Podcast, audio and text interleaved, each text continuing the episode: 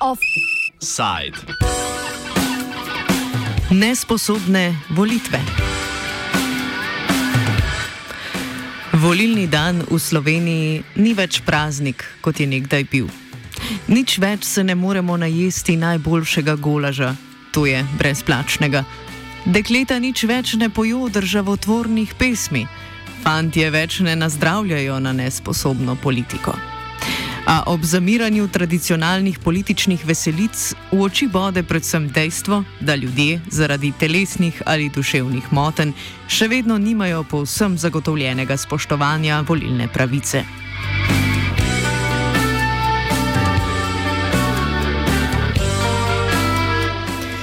Dva slovenska državljana invalida tako že drugič tožita državo, ker njuni volišči nista primerni. V prvem postopku je njihovi pritožbi pritrdilo ustavno sodišče, v drugem pa na slovenskih sodiščih nista našla pravice. Na njuno pobudo je postopek proti Sloveniji sprožilo Evropsko sodišče za človekove pravice. Pravico do dostopnosti volitev invalidom zagotavlja Mednarodna konvencija o pravicah invalidov, ki v Sloveniji velja od leta 2008. A zakonodaja ji sprva ni sledila, kar je ustavno sodišče potrdilo leta 2014, prav na primeru prej omenjenih državljanov.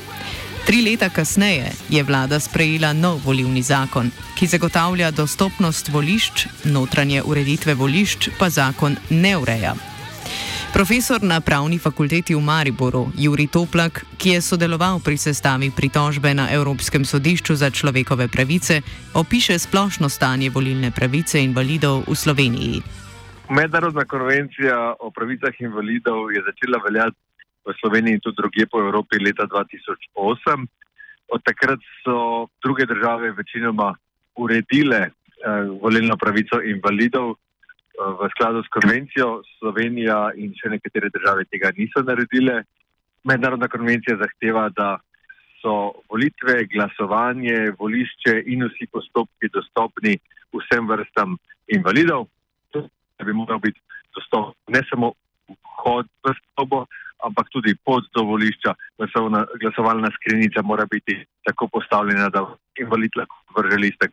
Glasovnica pa mora biti taka, da omogoča vsakemu uh, samostojno in tajno glasovanje. To pomeni, da če za vas ali pa za mene država da listek in pisalo, mora za slepega dati nekaj drugega, recimo glasovnico v pravici ali pa elektronsko napravo, kjer bo slepi samostojno glasoval. Za nekega tretje vrste invalida pa nek, nek drugačen, uh, neko drugačno glasovnico, recimo neko elektronske oblike ali pa uh, neko neko pripravo, da bo lahko samostojno in tajno glasoval.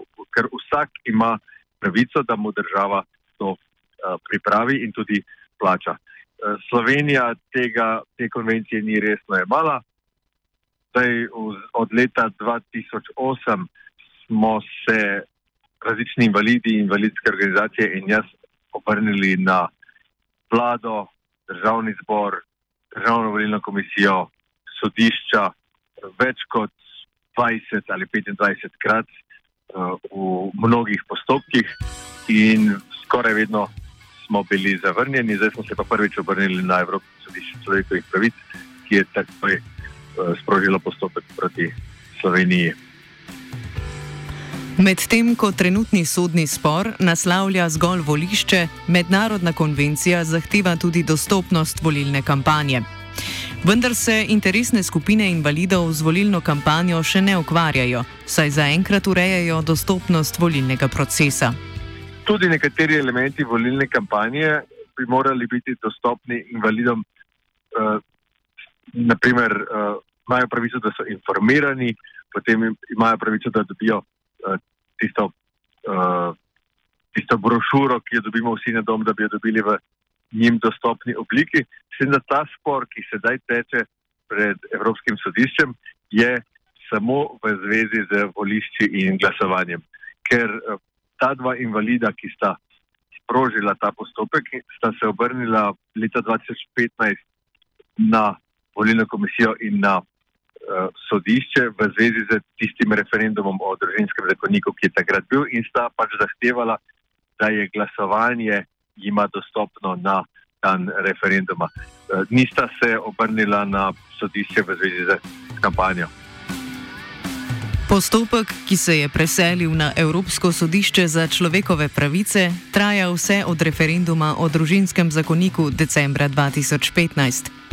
Slovenska sodišča medtem niso našla pravne podlage za ukrepanje, kljub temu, da je bila volilna pravica invalidov kršena že na šestih volitvah in referendumih od 2015 do danes.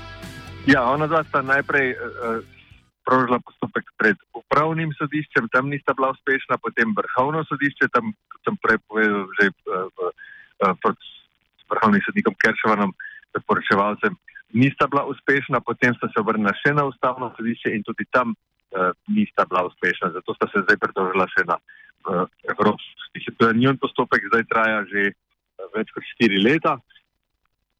Uh, sta pa se ista dva voljivca obrnila na slovenska sodišča že nekaj let prej uh, in tudi takrat na vseh nivojih nista bila uspešna, uh, razen v enem postopku, ko je leta 2014 ustavno sodišče naložilo državnemu zboru, da mora v zakon zapisati, da morajo biti vsa volišča dostopna.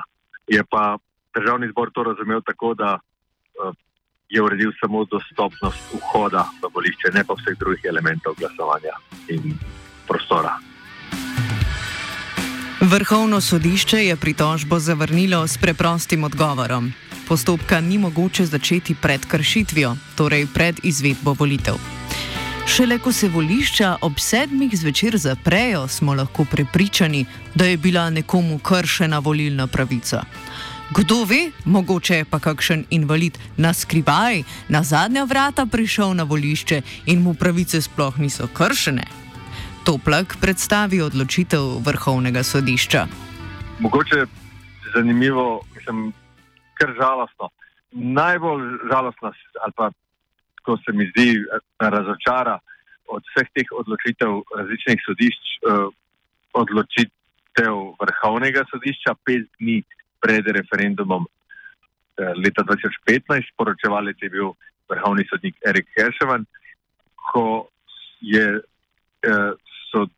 ko je ta dva invalida zavrnil pet dni pred glasovanjem z argumentom, da ne moreta vnaprej zahtevati dostopnosti volišča, ampak samo za nazaj. Eh, kar je res ponižujoče, vse vsi vemo, da ko so enkrat volitve mimo, se ne da več jih ponoviti, zato da bi ona dva imela glasovanje dostopno.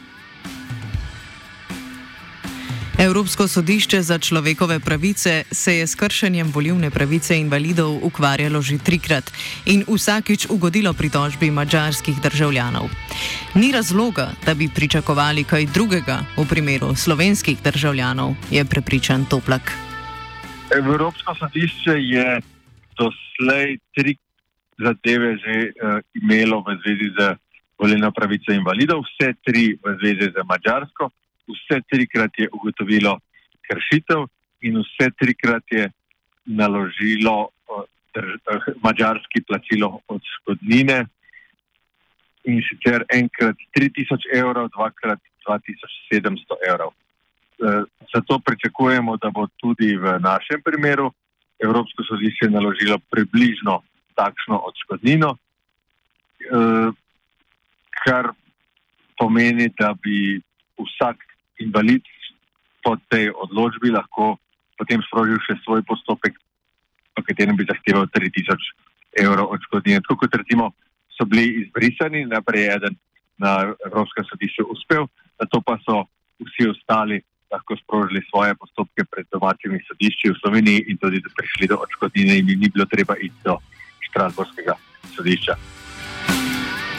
Na podlagi predhodnih odločitev Evropskega sodišča za človekove pravice, ki so Mačarsko stale okoli 3000 evrov na posamezno kršitev, je delovalo tudi Društvo za pravice invalidov Slovenije.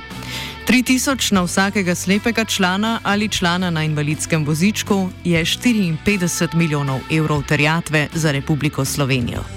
Zato je Društvo za pravice invalidov Slovenije že sprožilo postopek za 18 tisoč invalidov in predlaga, da Republika Slovenija kar uh, izplača 18 tisoč invalidov v Sloveniji, to so vsi, ki so slepi ali so na invalidskem vozičku, po 3 tisoč evrov odškodnine. In s tem bi Slovenija uh, prihranila, ker ji ne bi bilo treba plačati zamudnih obresti, sodnih stroškov, uh, razbremenila bi sodišča. Torej, ta postopek teče pa usporedno, da to uh, predlaga državi, da naj izplača teh 54 milijonov, je to vse skupaj 18 tisoč krat po 3 tisoč evrov, na ta način, da kar vsakemu od teh oškodovancev, uh, ki se bodo predlagano je, da se javijo in potem na računih plača po 3000 evrov. Seveda je za državo izven sodna poravnava cenejša opcija. Če Društvo za pravice invalidov Slovenije ne plača, sledi kolektivna tožba. Prva kolektivna tožba v Sloveniji. Lahko zdaj izplačati po 3000 ali pa počaka, da bo na koncu izplačala po 9000. Kaj bojo, to bo še vsi stroški zraven, pa, pa zamudne obresti.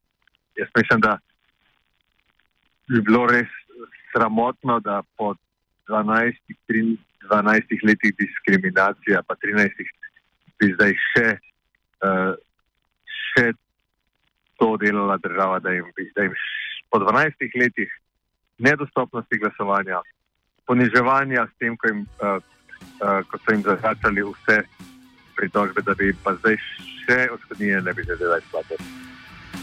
Med bojem za človekove pravice pa se lahko ta primer izkaže kot zelo koristen za Slovenijo. Prav zato, ker lahko privede do prve kolektivne tožbe. Ob njej bi lahko spoznali veliko novega o slovenskem pravnem sistemu. To je prvi tak, eh, prvi tak kolektivni spor uh, v Sloveniji.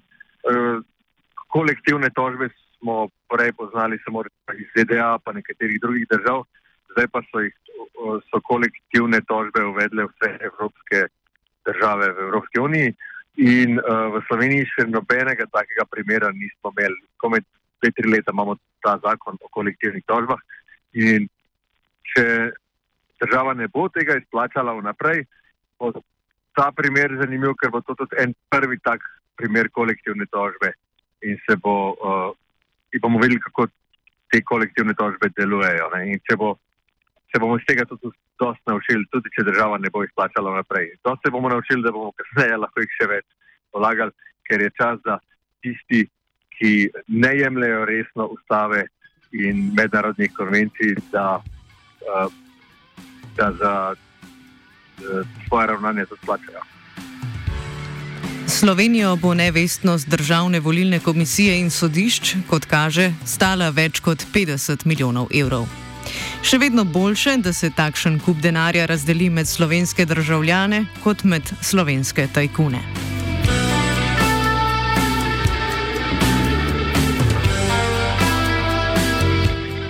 Evropski offside za človekove pravice je pripravil Virant.